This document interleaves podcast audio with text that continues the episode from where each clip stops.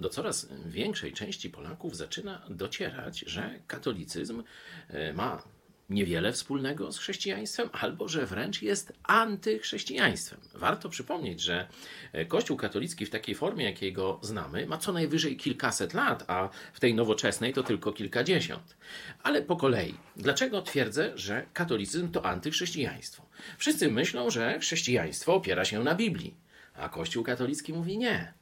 Biblia, owszem, dobra jest, ale najważniejsza jest nauka Kościoła, czyli urząd nauczycielski Kościoła katolickiego i jego tradycje. Czyli to jest antybiblia. Wszyscy myślą, że no, Kościół głosi, że zbawienie jest przez Chrystusa. No nie. Kościół mówi, że tak, należy wierzyć w Chrystusa, ale najważniejsze, szczytem i celem życia katolickiego jest Eucharystia, czyli sakramenty i tak dalej, i tak dalej.